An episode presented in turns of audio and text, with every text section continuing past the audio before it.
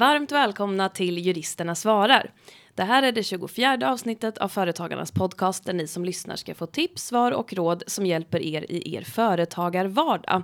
Idag ska vi prata om aktieöverlåtelser och aktieägaravtal. Vad ska man tänka på och vad bör man undvika? Och eh, med oss i studion så har vi ingen mindre än våran kollega Anna Krog som gästar podden för andra gången. Hej Anna, välkommen tillbaka! Hej och tack!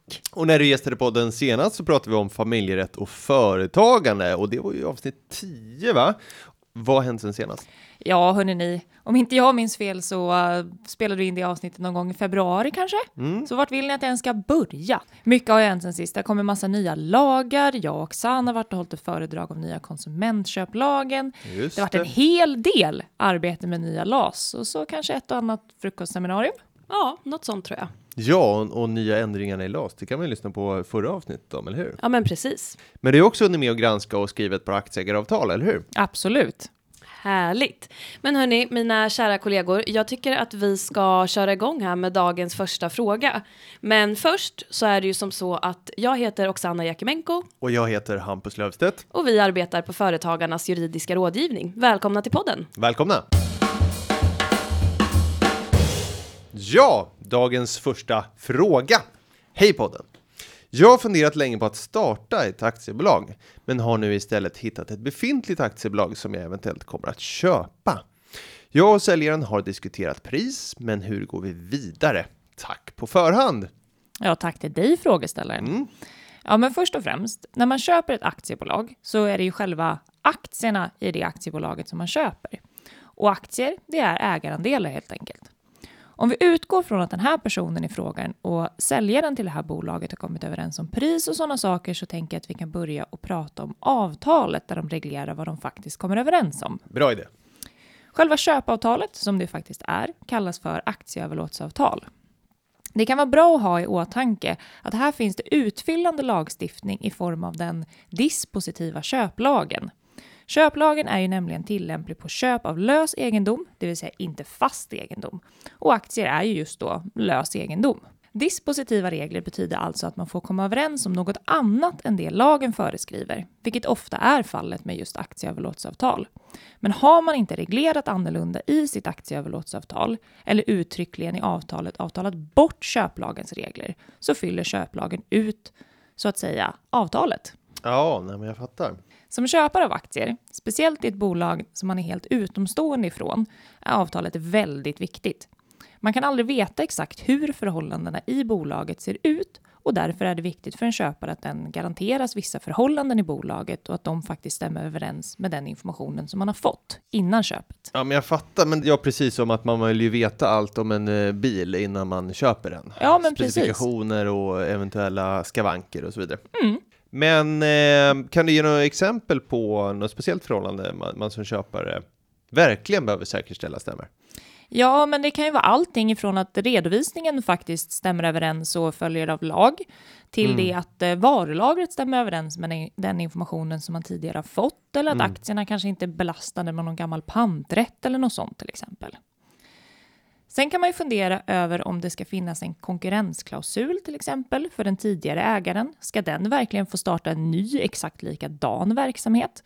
Vad ska hända om någon av de här garantierna som man har fått om till exempel redovisningen brister? Mm. Um, och vad ska göras mellan kontraktsdagen och själva tillträdet av aktierna? Ja, det är jättebra poäng där. Inte minst om det då är bolaget som, som säljs i, i ett tjänsteföretag och till stora delar bygger på ägaren som säljer bolaget. Ja, men eh, precis. En konkurrensklausul är jätteviktig. Jo. Okej, okay, men en eventuell konkurrensklausul då för den tidigare ägaren och eh, vad som ska hända då om garantierna brister. Skriver man in det i aktieöverlåtelseavtalet då? Ja, precis. Om den tidigare ägaren säljer alla aktier så får man skriva in det i själva överlåtelseavtalet. När parterna sedan har landat i det avtalet som båda känner sig nöjda med så ska avtalet såklart signeras. Ofta i aktieöverlåtelser så finns det ett glapp mellan kontraktskrivningen och när själva överlåtelsen faktiskt sker. Mm. Den dagen kallas för tillträdesdagen.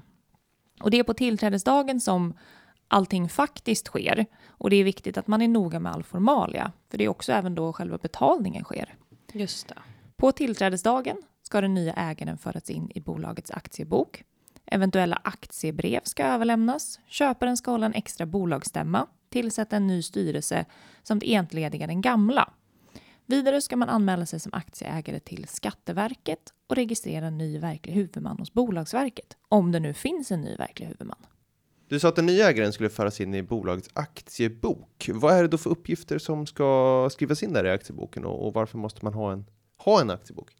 Ja, det som måste föras in är bland annat namn, personnummer eller organisationsnummer, postadress, antalet aktier och vad de aktierna har för serienummer. Mm. Och för den som är intresserad så finns det ett helt kapitel om aktiebok i aktiebolagslagen. Kapitel 5 för att vara exakt. Just det. Man eh, måste ha en aktiebok, dels då för att det faktiskt står i aktiebolagslagen att så är fallet och dels för att man behöver ju veta vem som äger vilka aktier. Mm. Och då är det liksom systemet aktiebok som vi har. Aktier har ju ingen egen fysisk form om man nu inte har aktiebrev, men det är inte jättevanligt idag att det faktiskt finns fysiska aktiebrev. Ja, det är jättebra att du nämner det här med att man i aktieboken tar upp vem som äger vilken aktie och vilken ägarandel. För att det är ganska ofta som vi får frågor kring, kring jaha, vad kan man titta, vad kan man se, i vilket register kan man se olika typer av ägande och så där Och det är ju inte så för onoterade aktier att man kan ringa Bolagsverket och, och, och, och se det här. Eh, utan det är aktieboken som man ser ägandet. Mm, precis så. När man sen är ägare av aktierna så är det ju såklart bra att man går igenom den informationen som man fick innan överlåtelsen och ser huruvida den faktiskt stämmer överens med verkligheten. Mm. Avslutningsvis så vill jag också säga att ett aktieöverlåtelseavtal kan vara hur komplicerat som helst, men det kan även vara hur enkelt som helst. Allt beror ju såklart på vad parterna kommit överens om. Men är man köpare i ett sånt här läge så hade i alla fall jag sett till att jag får de garantierna som jag behöver för att kunna känna mig trygg med att verksamheten faktiskt motsvarar mina förväntningar och ingenting annat. Och det där med garantier blir då som köprättsligt att de går in och säger så här, det här blir ett fel. Ja, Jag garanterar att den här maskinen finns i, i, i fastigheten. Mm. Och i och med att de har garanterat det så blir det ju väldigt tydligt att det, det är ett fel i köpet som man i så fall skulle kunna reklamera. exakt. Precis. Hörde ni? Eh, då tycker jag vi tar nästa fråga. Hej, jag har ett företag som håller på med byggprojektering. Jag har fem anställda och funderar på att sälja en del av mina aktier till dem. De är väldigt duktiga och jag vill gärna att de ska vilja vara kvar i bolaget och som tack för det få en del av kakan. Hur ska jag göra? Alltså spontant tänker jag att den här frågan är väl eh, väldigt lik den förra frågan, eller? Ja, den är ganska lik, men i den här frågan så har vi en helt annan infallsvinkel tänker jag, alltså från säljarhållet istället. Mm, just det. Eh, och jag kan börja med, tänker jag, att jag inte kommer gå in på några så personaloptionslösningar eller någon annan form i det här fallet, utan det vi pratar om här och nu, som jag tolkar frågan, är en gammal hederlig försäljning. Bra. Och det allra första man ska fundera på om man ska sälja aktier till en anställd, det är priset. Det kan nämligen vara lite lurigt. Man kanske tänker att ens anställda är så himla toppen och vill därför sälja till ett billigt pris. Mm. Man kan ju välja att göra det om man vill såklart. Priset är ju någonting som parterna får komma överens om. Men är det just anställda man ska sälja till så kan det vara bra att veta att om aktierna säljs till ett lägre värde än marknadsvärdet så kommer resterande värde upp till marknadsvärdet att ses av Skatteverket som en löneförmån och de anställda kommer då få betala inkomstskatt för den delen som ses som en löneförmån. Mhm. Skatteverket har bestämt att eh, aktiernas substansvärde är godkänt som marknadsvärde. Och jag tror inte att jag egentligen ska gå in någon närmare på substansvärde, men det är i alla fall ett vanligt sätt att värdera aktier på och är inte heller så svårt att göra. Okej, men du, jag funderar på en sak och det är ju att lyssnaren skriver att han vill sälja aktierna till sina anställda, bland annat för att han vill att det ska vara kvar i bolaget och fortsätta göra ett bra jobb. Som incitament då. Hur blir det om en eller flera anställda slutar efter att de köpt aktierna? Då uppnås ju inte lyssnarens syfte med försäljningen. Ja, det är ju absolut en relevant fråga, men jag tror att vi kommer att spara den. För det kommer frågor senare här råkar jag veta som kommer att besvara just det. Ja, det kanske man reglerar i ett sånt där aktieägaravtal som du nämnde i introt. Ja, men precis så. Men nu till det här aktieöverlåtelseavtalet då. Här ska man istället fundera på hur många garantier som man faktiskt vill ge. Och det kanske låter lite kontra mot det som jag sa i den förra frågan, men det är ju som sagt olika perspektiv man har. Och då ska man nog fundera på hur insatta är de här anställda i bolagets räkenskaper och vad är rimligt att garantera? Vad kan man lova? När även det här avtalet då är underskrivet och tillträdesdagen kommer så ska de nya ägarna skrivas in i aktieboken. Just det.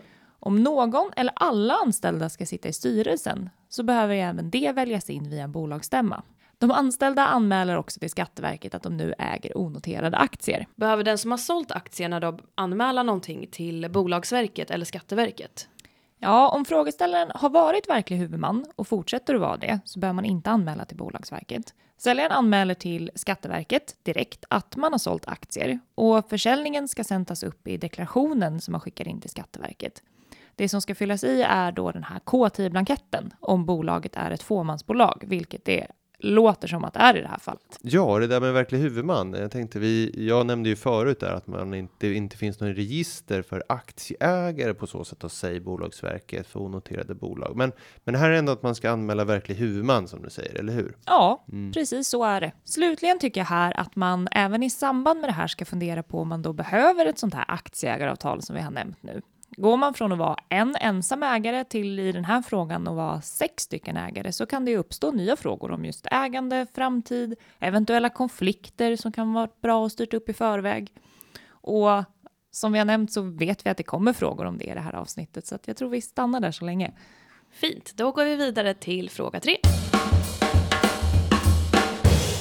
Hej! Jag driver ett bolag med min bror. Vi har fått sagt till oss många gånger att vi måste ha ett aktieägaravtal. Vad innebär det att ha ett sådant avtal? Och stämmer det? Vi måste ha det. Ja, här kommer ju den här frågan om aktieägaravtal då. Ja, men precis. Och nej, man måste inte ha ett aktieägaravtal. Men det är i många, många fall väldigt bra att ha om någonting händer. Ett eh, aktieägaravtal är dock absolut inte att förväxla med bolagsordningen i bolaget. Ett aktieägaravtal det är ett avtal mellan de som äger aktier i bolaget och avtalet berör just det förhållandet. Och i flera fall kan ett aktieägaravtal också beröra hur aktieägarna ska sköta bolaget. Och det är som sagt frivilligt att ha ett aktieägaravtal och det behöver inte registreras någonstans för att vara giltigt, utan man har det helt enkelt för sin egen skull. En bolagsordning däremot, det är ett offentligt dokument som ska innehålla de regler och förutsättningar som aktiebolaget måste följa. Till exempel så ska det i en bolagsordning finnas information om aktiekapitalets storlek, antalet aktier det får vara, antalet styrelseledamöter det får vara, om bolaget ska ha en revisor eller inte, hur kallelse till bolagsstämma ska ske och så vidare. I aktiebolagslagen finns det ett krav på att alla aktiebolag måste ha en bolagsordning och det ska också registreras hos Bolagsverket. Så aktieägaravtalet är inte ett måste, men en bolagsordning är det. Ska vi skicka med att aktiebolagslagen är världens bästa lag? Ja, den är otroligt pedagogiskt skriven. Det står precis vad man får göra och inte får göra och inte en massa omskrivningar och hej och hå. Världens bästa kanske är i, men pedagogisk är den i alla fall. Ja. Ja. Men som sagt, ett aktieägaravtal. Det reglerar förhållandet mellan de som äger aktier i bolaget. Aktieägarna kan avtala om nästan vad som helst, men inom rimliga gränser såklart med tanke på de jämkningsregler som finns för avtal. Aktieägaravtal kan vara också allting från jätteenkla och bara reglera kanske utköp till superkomplicerade med olika investerare, inlåsningseffekter, framtida investeringar och gud vet allt. Skulle du kunna ge några exempel då på bestämmelser som är vanliga att ha med i just aktieägaravtal då? Eller bestämmelser som många missar men som är bra att? Ja, alltså jag tycker att det är svårt att ge allmänna råd om aktieägaravtal, vad man ska ha med och inte, utan att prata direkt med delägarna och fråga vad de själva vill och tycker är viktigt. Men jag kan väl försöka mig på några råd av vad som kan vara bra att tänka på i alla fall. Delägarna ska fundera på vad man vill med bolaget och vad man vill med sitt eget ägande egentligen. Hur ska bolaget styras och vem är det som ska sitta i styrelsen och varför? Måste ägarna vara dem eller kan det vara vem som helst eller någon som någon ägare tycker är bra? Och beroende av hur ägandet ser ut kan det vara bra att fundera över om det finns vissa frågor som alla ägare eller alla i styrelsen ska vara eniga i. Det behöver kanske inte vara alla typer av frågor, det kan bli lite stelbent att driva bolag så, men vissa viktigare frågor kan det ändå finnas ett värde i att man faktiskt har alla med på tåget i. Okej, men om det skulle vara så att en av ägarna inte längre vill ha kvar sina aktier i bolaget. Är det bara för den personen att sälja sina aktier hur som helst till vem som helst? Ja, absolut. Så länge man inte har bestämt någonting annat. Är allting frid och fröjd så är det såklart inga problem, men säg att någon kanske har ledsnat eller man är osams, någon vill flytta till solen och eh, gå i pension eller vad som. Mm. Vad är det som ska hända då? Mm. Ofta så finns det en sån här hembudsklausul i bolagsordningen, vilket innebär att om aktien överlåts till någon annan så får övriga befintliga ägare rätten att köpa tillbaka de aktierna. Men man kanske också vill ge en förköpsrätt i aktieägaravtalet så att de befintliga ägarna får rätten att köpa aktierna redan från början innan de överhuvudtaget får överlåtas till någon utomstående. Men okej, men du, både förköpsklausul och hembudsklausul kan man ju ha i bolagsordningen. Finns det någon fördel med att ha det i aktieägaravtalet istället eller också? Ja, det finns det absolut. Eh, står det i bolagsordningen så är bolagsordningen är ju ett avtal. Så då kan ju inte det få en avtalsmässig konsekvens. Men har du det i aktieägaravtalet också, då kan du också få en, en avtalskonsekvens om någon bryter mot avtalet. Det skulle till exempel kunna vara, Ett vite. Just det. Det kan ju också uppstå situationer där man vill få en rätt att köpa någon annan ägares aktier. Alltså någonting händer för person X som då ger person Y och kanske person Z rätt att få köpa person X aktier. Det kan eh, handla om att person X eh, dör, skiljer sig, begår ett avtalsbrott eller går i konkurs eller kanske avslutar sin anställning i bolaget för att då ge en liten tillbakablick till fråga två och svaret på den frågan där. Just det. Det finns många situationer och händelser i ens liv där det kan påverka då vad som händer med ens aktier, men som man då kanske inte alla gånger kan styra över själv. Och alla de här situationerna går ju att styra upp och lösa i avtalet, men det är liksom ingenting som händer automatiskt. Mm. Och här behöver man ju verkligen tänka över själv med sina delägare. Vilka situationer vill vi reglera och varför? Men sen när man har löst alla sådana här frågor så vill jag skicka med en liten tanke om värdering av aktien också. Är det så att någon ska bli utköpt så ska ju de aktierna betalas för och ett pris ska ju bestämmas. I sådana situationer kanske inte alltid stämningen är på topp Mm. och då kan det ju vara väldigt bra att man har redan på förhand bestämt hur en värdering av aktierna ska gå till. Mycket bra medskick. Det finns ju jättemånga olika värderingsmetoder av aktier och olika värderingar kan också ge olika resultat. Så därför är mitt råd att prata med någon som faktiskt kan det här med värdering för att kunna bestämma värderingsmetod och vad som passar just ens eget bolag. Har man inte den möjligheten så kan man också i sitt aktieägaravtal skriva att värderingen ska ske av en oberoende värderingsman och att den personen i så fall bestämmer vilken metod som ska användas. Mm. Och som avslutande råd i den här frågan då, så vill jag säga att aktieägare som funderar på aktieägaravtal ska börja, verkligen börja tänka på vad är viktigt för dem och ta hjälp. Även om man tänker igenom så kan det vara lätt att missa frågor som kanske är viktiga för just den här specifika ägarkretsen, men som man helt enkelt inte tänker på själv. Mm, och det här med att ta hjälp, tänker du att man ska försöka hitta en mall för aktieägaravtal snarare än att man försöker knåpa ihop ett själv? Ja, alltså. Jag tycker kanske inte att en mall alltid är bra i ett sånt här läge. Det finns många avtal där en mall kan vara bra, men det är svårt att göra en så pass allmängiltig mall att det kommer passa alla, men ändå vara tillräckligt specifik för att uppfylla just de behov som just de här aktieägarna har. Och i de fallen så tycker jag nog att det är bättre att man tar ordentlig hjälp, alltså kontakta en jurist som kan hjälpa till och skriva ett aktieägaravtal. Man skriver ju normalt sett inte aktieägaravtal så himla ofta, och med tanke på de situationer som faktiskt kan uppstå om man inte har ett aktieägaravtal eller ett avtal som inte passar ens behov så tycker jag att det kan vara en värd investering. Ja men bra, då, då har vi rätt ut det också. Ja, men glimrande och inte minst när man har då en förköpsklausul i aktieägaravtalet eh, så är det ju väldigt bra att ha en värderingsmetod också avtala dem redan innan så att man inte vid att någon ska ska sälja sina aktier också börjar hamna i konflikt kring hur priset ska beräknas. Ja, men precis. Är man redan kanske lite osams från början så är det ju lätt att fortsätta vara det. Super, då tycker jag vi tar nästa fråga. Det gör vi. Hej! Jag och mina kompanjoner har ett aktieägaravtal som vi har haft i flera år. Eh, vi har nyligen sett över aktieägaravtalet för att se vad är det vi egentligen har skrivit och har nu upptäckt att vi bland annat har skrivit att alla ska arbeta 100% i bolaget. Men en av delägarna har ju varit tjänstledig under ett halvårs tid. Är det ett avtalsbrott? Vi har också skrivit att vi ska vara eniga i alla typer av beslut. Är det bra? Säger du Anna? Ja, men här vill jag börja ändå ge frågeställaren och kompanjonerna en guldstjärna för att de faktiskt ser över sitt aktieägaravtal. Det är jättebra att man gör det med jämna mellanrum. Livet och bolaget kan förändras och då är det ju viktigt att aktieägaravtalet faktiskt speglar verkligheten. För vad spelar det för roll att ha ett avtal som sen visar sig vara gammalt och helt oanvändbart? Mm. Klausulen om den här arbetsinsatsen, den är lite knepig att svara på utan att veta exakt hur den är skriven. Det är ju jätteviktigt i sådana här sammanhang att man formulerar sig rätt och faktiskt skriver det man menar och ingenting annat. Så beroende av hur den är formulerad så skulle det här faktiskt kunna vara ett avtalsbrott. Dock så vill jag väl säga att det förefaller sig väl lite osannolikt att någon skulle ha gått på tjänstledighet och de andra inte skulle ha varit okej med det och ingen skulle ha påtalat det här tidigare, att det skulle varit ett avtalsbrott. Och även om det skulle vara ett avtalsbrott så behöver ju inte övriga ägare faktiskt utnyttja den rättighet som ett avtalsbrott utlöser. Så om alla nu ändå tyckte att det är okej att den här delägaren har varit tjänstledig så är ingen skada skedd egentligen. Okej, och den här eh, enighetsklausulen, alltså de skri har skrivit att man måste vara eniga i alla typer av beslut. Vad, vad säger du om det? Ja, den kanske är ännu klurigare att ge ett vettigt råd om. Men här behöver de ju verkligen fundera på, behöver de vara överens om precis allting?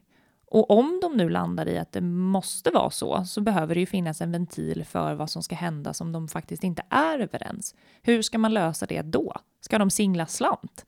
Det kanske inte är ett jättebra alternativ. Det finns olika sätt att göra det här på. Man skulle till exempel kunna ha ett system där man bordlägger den då oeniga frågan ett visst antal gånger. Och om man till slut inte kommer överens så tvingas någon att bli utköpt. Det ses kanske som ett hårt alternativ, men det löser i alla fall problemet. Det man i alla fall vill komma ifrån, eller se till att lösa på förhand, det är ju att situationen inte ska bli helt låst. Mm. För då kommer konflikterna bara öka och sen till slut så, så blir alla jätteosams. Mm. Och de här eh, potentiella lösningarna, de skriver man också in i aktieägaravtalet så att alla Absolut. vet vad som gäller. Absolut. Mm. Bra. Och vad ska jag ge för avslutande råd här då? Ja, om man har ett aktieägaravtal, gör som frågeställaren. Se över det med jämna mellanrum. Man kan ändra sig, livet kan ha förändrats, verksamheten kan ha förändrats. Och det är jätteviktigt att avtalet faktiskt speglar det som man har tänkt sig ska ske. Ja, men hörni, då är vi klara för denna gång och Oksana. Jag tycker att vi tackar Anna Krog för att hon än en gång var med och gästade i eh, Juristerna svarar. Tack Anna! Tack Anna. Nej, men tack så mycket Ska vi för att jag får... applådera? Ja, det kan vi göra. Ja, men hörni, tack för att jag fick komma och gästa podden igen. Härligt! Och som medlem i Företagarna kan du utan kostnad ringa till oss och våra kollegor på den juridiska rådgivningen och få personlig hjälp. Du når oss på telefon 0771 45 45 45. Klippningen den är gjord av Petra Tjo och underlaget av David Hagen. Vi hörs igen om två veckor. Tack för att ni lyssnat! Hej då! Hej då! Hej då!